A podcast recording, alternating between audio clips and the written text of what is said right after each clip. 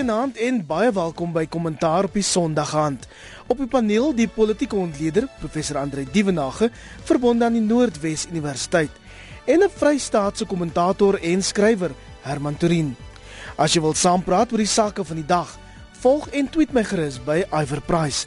Bly ingeskakel.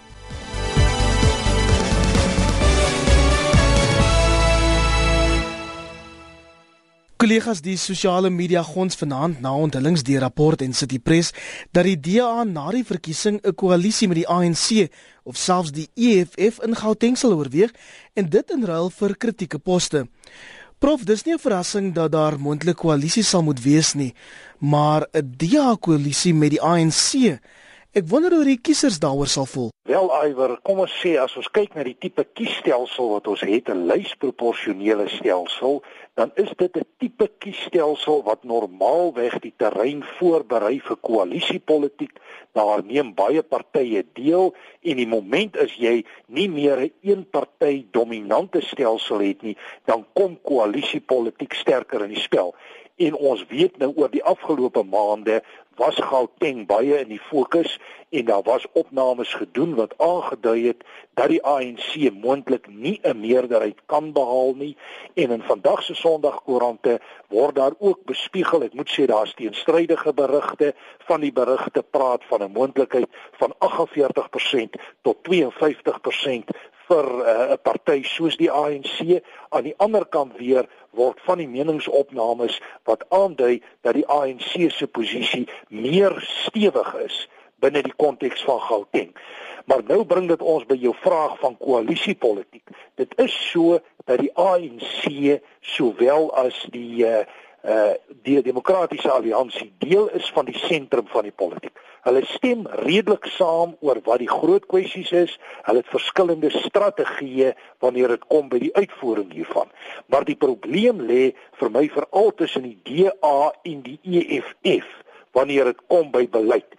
Daar ervaar ek redelike skerp konflik in terme van beleidskwessies, maar ook in terme van strategieë. Maar nou moet ons onthou histories is die DA en die ANC in 'n geveg sedert die 90er jare. In daai sin is van die instinkte om met enige ander oppositieparty behalwe die ANC saam te werk. En dit sal interessant wees om te sien watter keuse hier gemaak word. Ek persoonlik dink op 'n ideologiese beleidsvlak lê die ANC en die DA nader aan mekaar, maar ek staan by my voorspelling van vroeër dat die ANC na alle waarskynlikheid 'n volstrekte meerderheid in Gauteng gaan kry.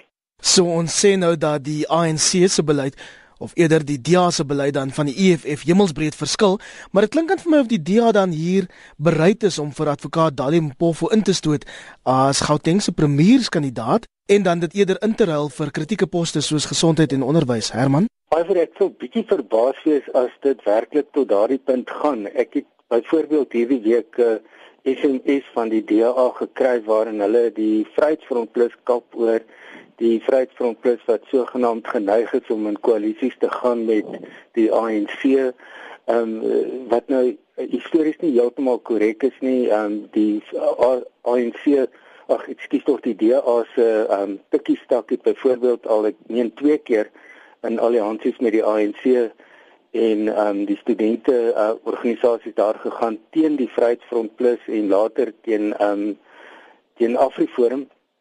Maar ehm um, mens moet net in gedagte hou dat koalisiepolitiek ehm um, volgens die proporsionele kiesstelsel is eintlik iets heeltemal anderster.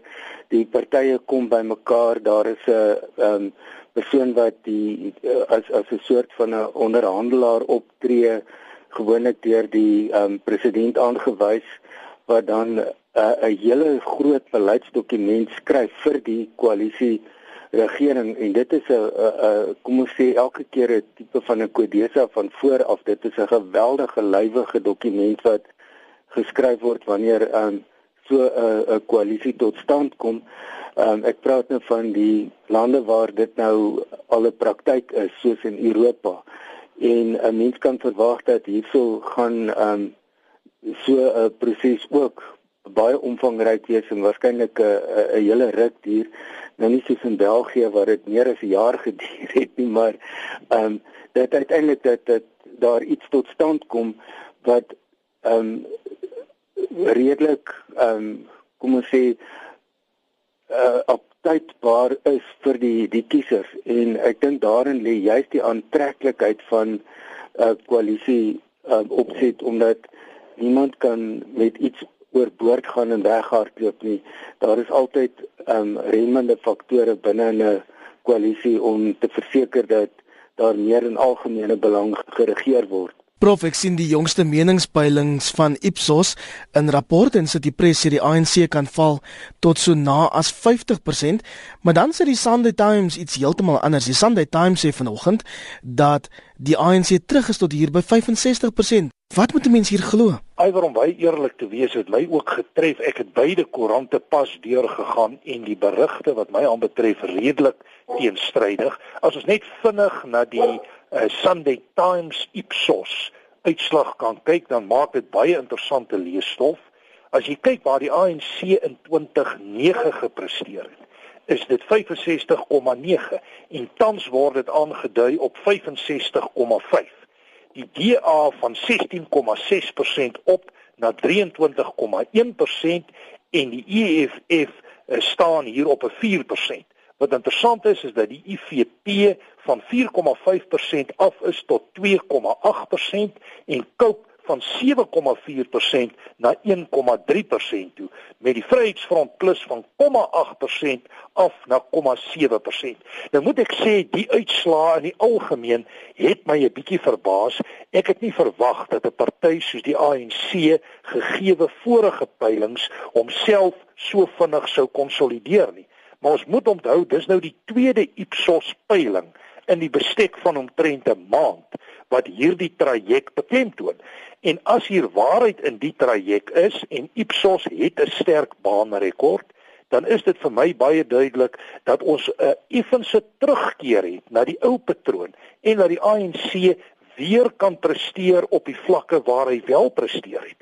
En dan is die verskil amper dat Coke se steunbasisse tot 'n sekere mate uh op ander lyne manifesteer in terme van die vryheidsvegters wat ons weer by 'n scenario bring wat baie na lê aan die 209 scenario. Nou, ek moet eerlik sê ek het 'n bietjie kommer oor die uitslag. My indruk bly dat die ANC is onder groter druk as in die verlede en 'n mens sal baie mooi moet kyk na die metodiek van hierdie meningspeilings om regtig hulle substansie te bepaal. Ek dink 'n mens moet ook kyk na die persentasie mense wat gaan stem. Jy sal met bietjie scenario trajecte daar moet werk en met projeksies, maar my my beeld bly dat die ANC tog besig is om steunbasisse te konsolideer, dat die DA wel sy steun gaan versterk en dat daar 'n rondskuiving van steun gaan wees op ander vlakke. Waar presies Ipsos in uh, Marie Harris kom met 'n grens op die uh, uh Gauteng steen wat in 'n rapport gepubliseer is, daarvan is ek nie seker nie. Dis meer in lyn met van die vroeëre projeksies wat gemaak is hier teen die einde van verlede jaar, begin van hierdie jaar en ek moet sê ek het nie duidelikheid oor hierdie twee syne wat mekaar waarskynlik skerp kontrasteer nie. Ons bly by verkiesingsnuus en Harry het losgebars nadat Kusatu se Weskaapse sekretaris Tony Ehrenreich gesê het die helfte van alle wit staatsamptenare moet in die pad gesteek word as die ANC die provinsie in Mei sou wen. En Herman, dis natuurlik 'n belaglike stelling vir twee redes, buiten dat mense nie 'n graad nodig het om te weet dat daar geen manier is dat die ANC eintlik op hierdie stadium nog in die Weskaap kan wen nie. Dis fisies onmoontlik. Ja, die stellings is geweldig teruggekrabbel op. Uiteindelik het Ehrenreich nou laat blyk dat daar kan sekere gevalle wees waar daar selfs van die wit af van die bruin en indier en selfs swart um aanstellings verminder moet word om die um blanke kwotas reg te stel. Um die handelikheid is hier dat hy nou die woord omgekeerde apartheid gebruik om dit reg te stel. Um dit dit, dit bly 'n geweldige rasgedrewe benadering en ehm um, en dit bly wegduik van die situasie wat deur die howe gestel word naamlik dat die ehm um, regte toets vir regstellende aksie is dat 'n mens individuele gevalle moet ook in ag neem um wit weeshuiskinders het byvoorbeeld nou nie hierdie geweldige reserves waarna Ehrenraad verwys nie en so ook kinders van mense wat werkloos is het nie daardie reserves nie en en die mense het nie kleer nie. Um, 'n mens moet um begin ophou om aan in die um kleurskakerings vas te kyk en dit te probeer verabsoluteer om by kwotas en so meer uit te kom. En um Maar dit is interessant dat Ehrenreich dink ek um, is waarskynlik van bo af 'n bietjie aangespreek oor hy bietjie vinnig oor die boeg geskiet het en um, nou begin 'n um, uh, uh, onderstellings maak, maar die feit is dat die um, dat die dat die ANC in die knyp is met die DKD hofsaak en ander sake wat beginne um, uh um die manie gefladeer werk het en na die breinsteen toe vir die ANC en dan moet nou teen maatreëls getref word. Mense sou dit byvoorbeeld ook kon herlei na die tipe uitsprake wat Tina Imat Petersen onlangs weer gemaak het om um oor oor die blanke boere wat nou op 'n sekere manier met hulle werkers sou omgaan en um en so weer bietjie um die breinsteen vir die ANC probeer terugkanaliseer. Maar ehm um, 'n mens speel hierso met met baie komplekse faktore ehm um, historiese persepsies en so meer en ehm um, en al die groepe voel nie dieselfde daaroor nie en dan is daar uiteindelik die oorhoofse kwessie van beginsels en ehm um, 'n mens kan nie regtig nie rassigheid nastreef deur ras gedetermineer te wees nie en ek dink hier het um, Ehrenreich nou aanvanklik sy hand oorspeel en toe begin terugkrabbel daai term omgekeerde apartheid waarna Herman nou verwys prof. Dis nou nie die ideale manier om na wit mense se stemme te vry nie. Wel, as ons vinnig net kyk na die huidige situasie soos die meningspeilings om aandui in die Wes-Kaap, is dit duidelik dat die demokratiese alliansie se posisie redelik sterk is en dat die uh, demokratiese alliansie na alle waarskynlikheid die verkiesing gemaklik gaan wen. En dit maak dit vir die ANC baie moeilik en ek dink die ANC is redelik desperaat en die oomblik as die ANC desperaat raak dan begin hulle met die rassekaart te speel. En ons weet spesifiek die hele kwessie van nasionale en provinsiale demografie is 'n baie kontroversiële kwessie uh, wanneer dit kom spesifiek by die Wes-Kaap, maar ook uiteraard maar in ander provinsies in die land. Maar dit spesifiek as 'n verkiesingskwessie gemobiliseer in die Wes-Kaap. En my indruk is dat Tony Ehrenreich eintlik sy hand, soos Herman ook daar aandui, sterk oorspeel het en dat hulle op die rasselyne loop. En jy kan nie werklik nie rassigheid bepleit maar met 'n rasseaanslag kom nie.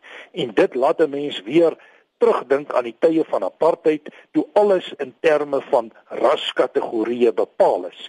En ek dink Suid-Afrika moet iewerster die sprong maak Soos die ANC graag nie rassig wil wees, moet hulle die daad by die woord voeg en dit ook grond toeneem. En die feit dat ras so 'n sterk faktor is, is besig om al hoe groter polarisasie en verdeeldheid in Suid-Afrika te skep. En dit is baie kontra dit wat ons wil hê in hierdie tyd waar ons nou staan.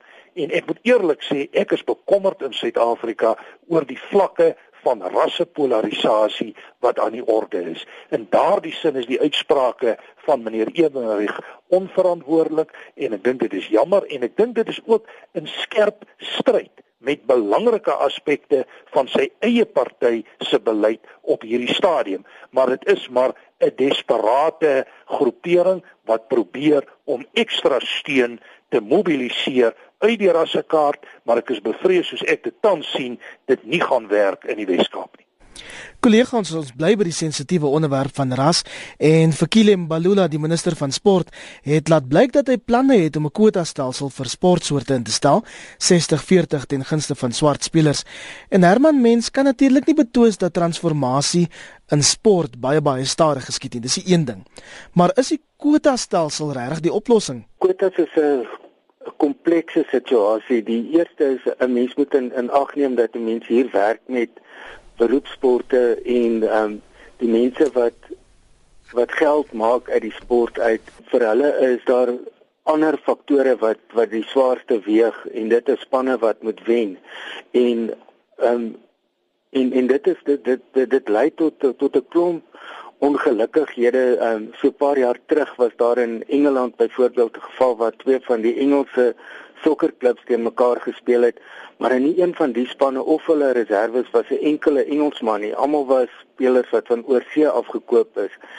En geld veroorsaak nou ook dat in spesifiek rugby dat 'n mens kry dat spelers van kleur uit ander provinsies wat hulle opgebou het en ek praat hier spesifiek van die kleiner provinsies soos Boland en SWD net eenvoudig opgekoop word, hulle markwaarde verhoog en ehm um, daar word nie genoeg gedoen en en en dit is nie net die sportkode se verantwoordelikheid nie, ek praat van die onderwysowerhede en so meer wat moet terugwerk na die die vlak waar die spel eintlik ontwikkel moet word en populêr gemaak moet word. Ehm um, ek is redelik uitgesproke oor die kwessie dat ehm um, my eie kinders het byvoorbeeld rugby loos groot geword omdat rugby nie op die SAIK se TV-senders is nie en ons het nie betaalkanale nie. Ehm um, onder ehm um, die die teikengemeenskap is betaal TV nog skaarser. Hoe ontwikkel 'n mens 'n 'n 'n bekendheid 'n 'n 'n entoesiasme vir 'n sportsoort as dit daar uitgesluit is? En ehm um, en dit dit is 'n kwessie wat wat ook internasionaal um, neerslag het. Ek het nou die dag byvoorbeeld 'n interessante stuk gelees oor hoe ehm um, cricket eintlik in die Wes-Indiese eilande agteruit gaan.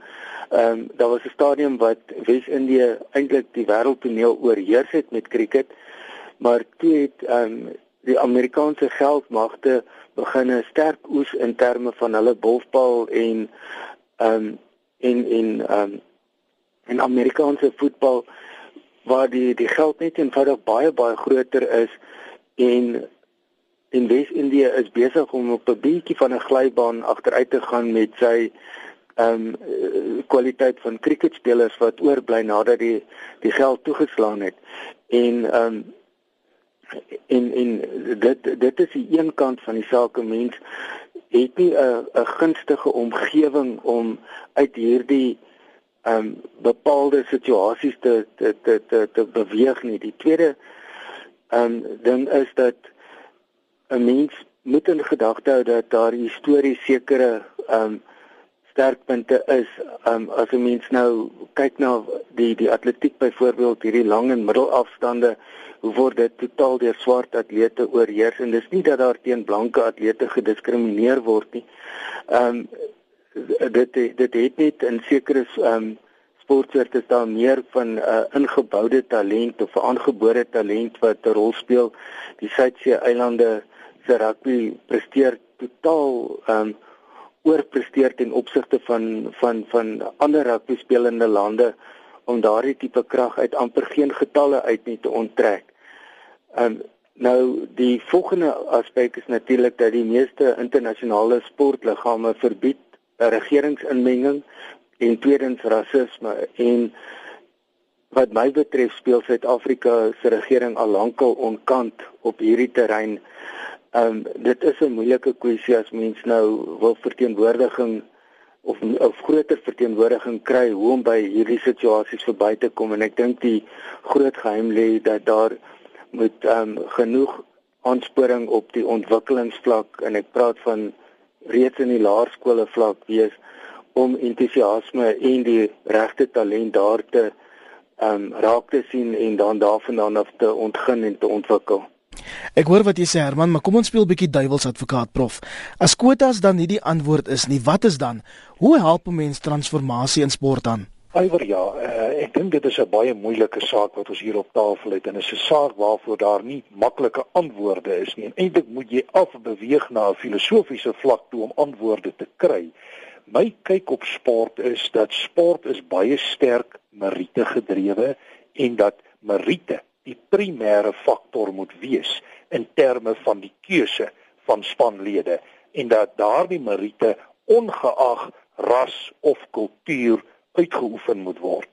Maar nou sit ons met 'n baie spesifieke situasie in Suid-Afrika waar daar 'n bepaalde geskiedenis om uitgespeel het en die gevoel is dat rondom transformasie moet daar bepaalde regstellende optrede kom en dit is nou waar die kwota uh stelsel in berekening gebring word. Nou moet ek net hier sê vir my lê die probleem kwota in terme van wat?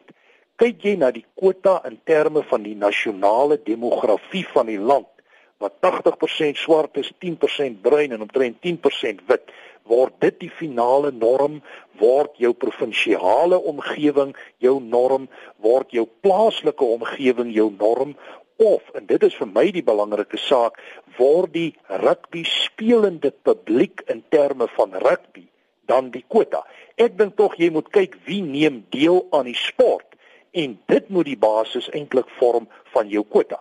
Maar wat ek dink belangrik is, is dat die kwota stelsel kontroversieel is en dat die kwota stelsel nie vir ons werklike antwoorde gaan bring nie. Ek verwag dat die kwota stelsel vir ons gaan uitbring by 'n klomp konflikte. Wat wel belangrik is, is dat ons 'n ontwikkelingsgerigte benadering tot sport moet hê. Ek dink dit is geweldig belangrik dat ons sport moet ontwikkel in alle dele van die samelewing. En ons het gesien dat ook wat rugby aanbetref, daar suksese is. Herman het verwys na SWD, na Boland, maar 'n mens kan ook maar gaan kyk na die Oos-Kaap as 'n belangrike markgebied vir swart rugby spelers. So ek dink 'n ontwikkelingsgerigte benadering is belangrik, maar die moment wanneer kwotas en ander middele aangewend word en meriete word geaffekteer, dan sit ons met 'n ernstige probleem. Dan kan dit beteken jy's nie meer kompeterend nie en soos Herman tereg sê, politieke inmenging in sport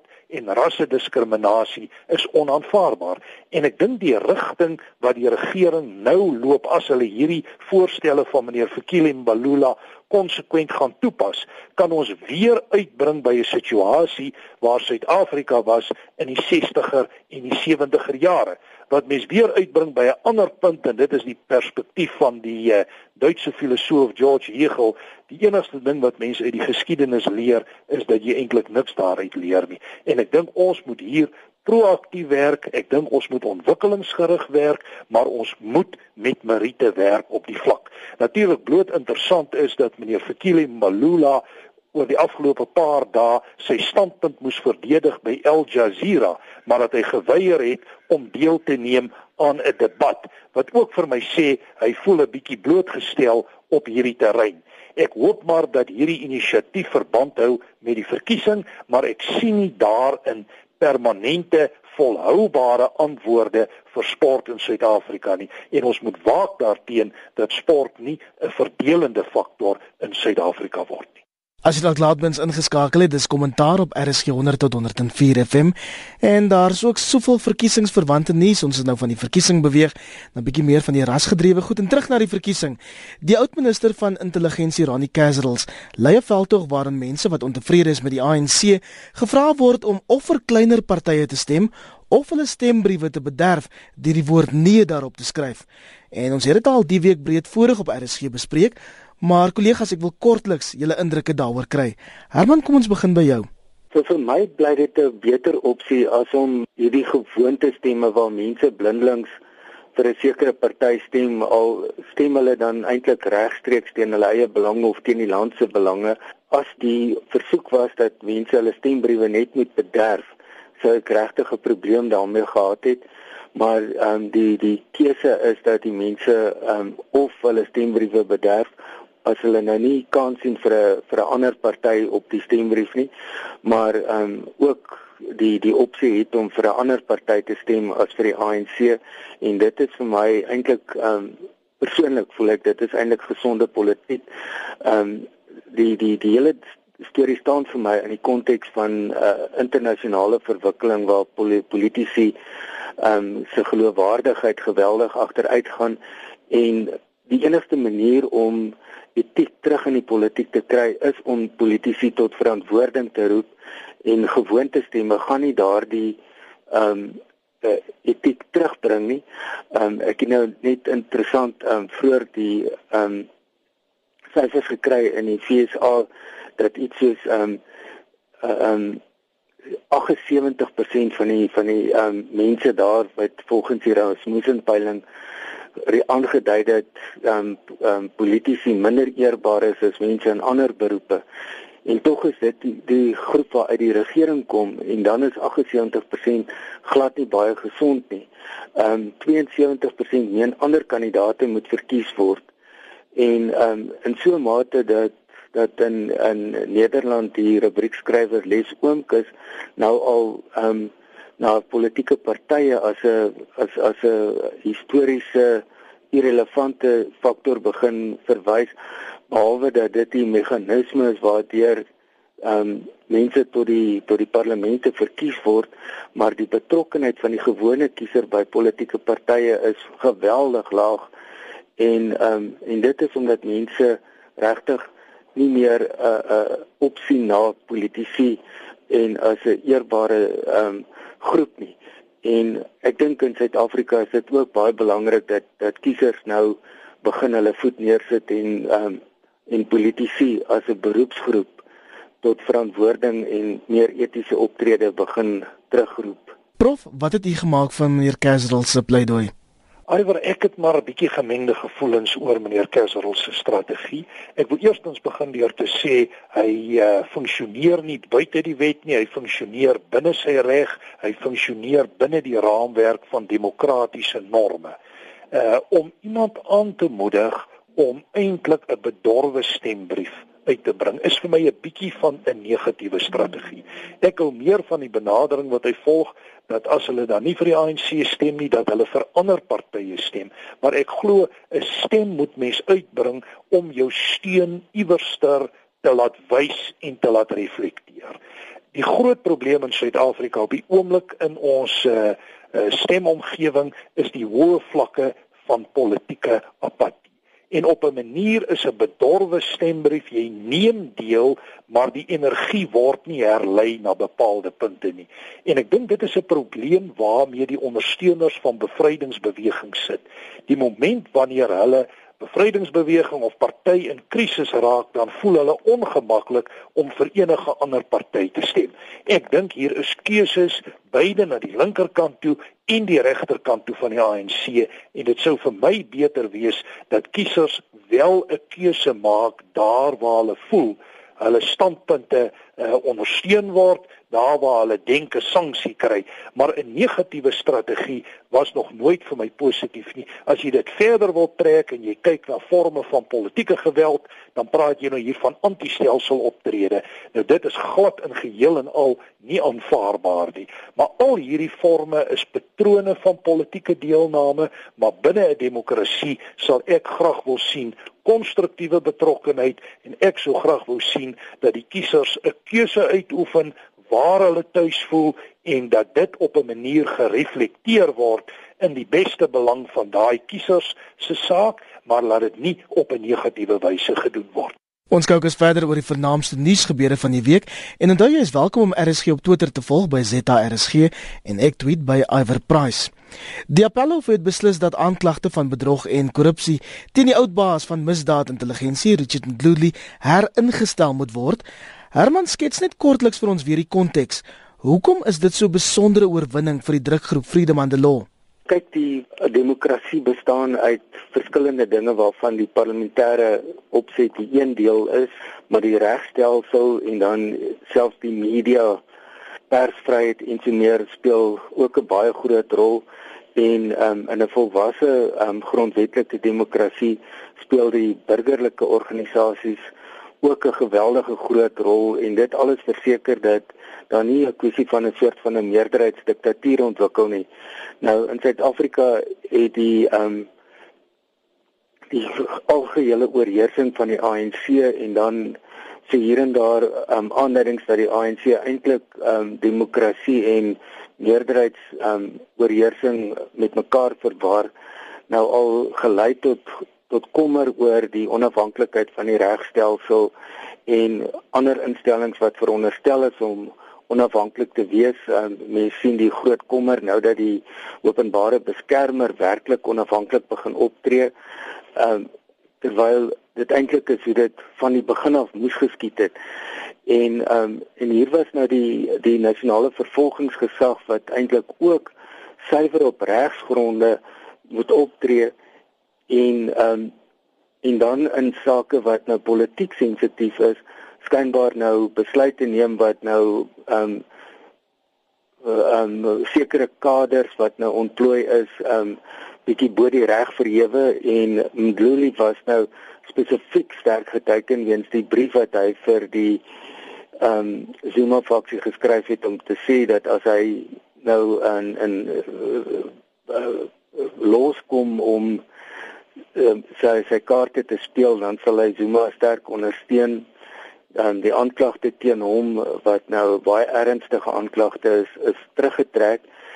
En toe het um, hierdie freedom under law nou eintlik wil mens amper se eksperimenteel die Hooggeregshof genader. Regter Murphy het beslis dat die aanklagte weer ingestel moet word. Die nasionale vervolgingsgesag het en mens wil amper se vreemd genoeg geappeleer en die appelhof het nou eintlik Murphy se uitspraak um beslag gegee dat um met Lily mag nie um wat dan skynbaar op uh, um neerkom op politieke inmenging van vervolging vrygestel word nie.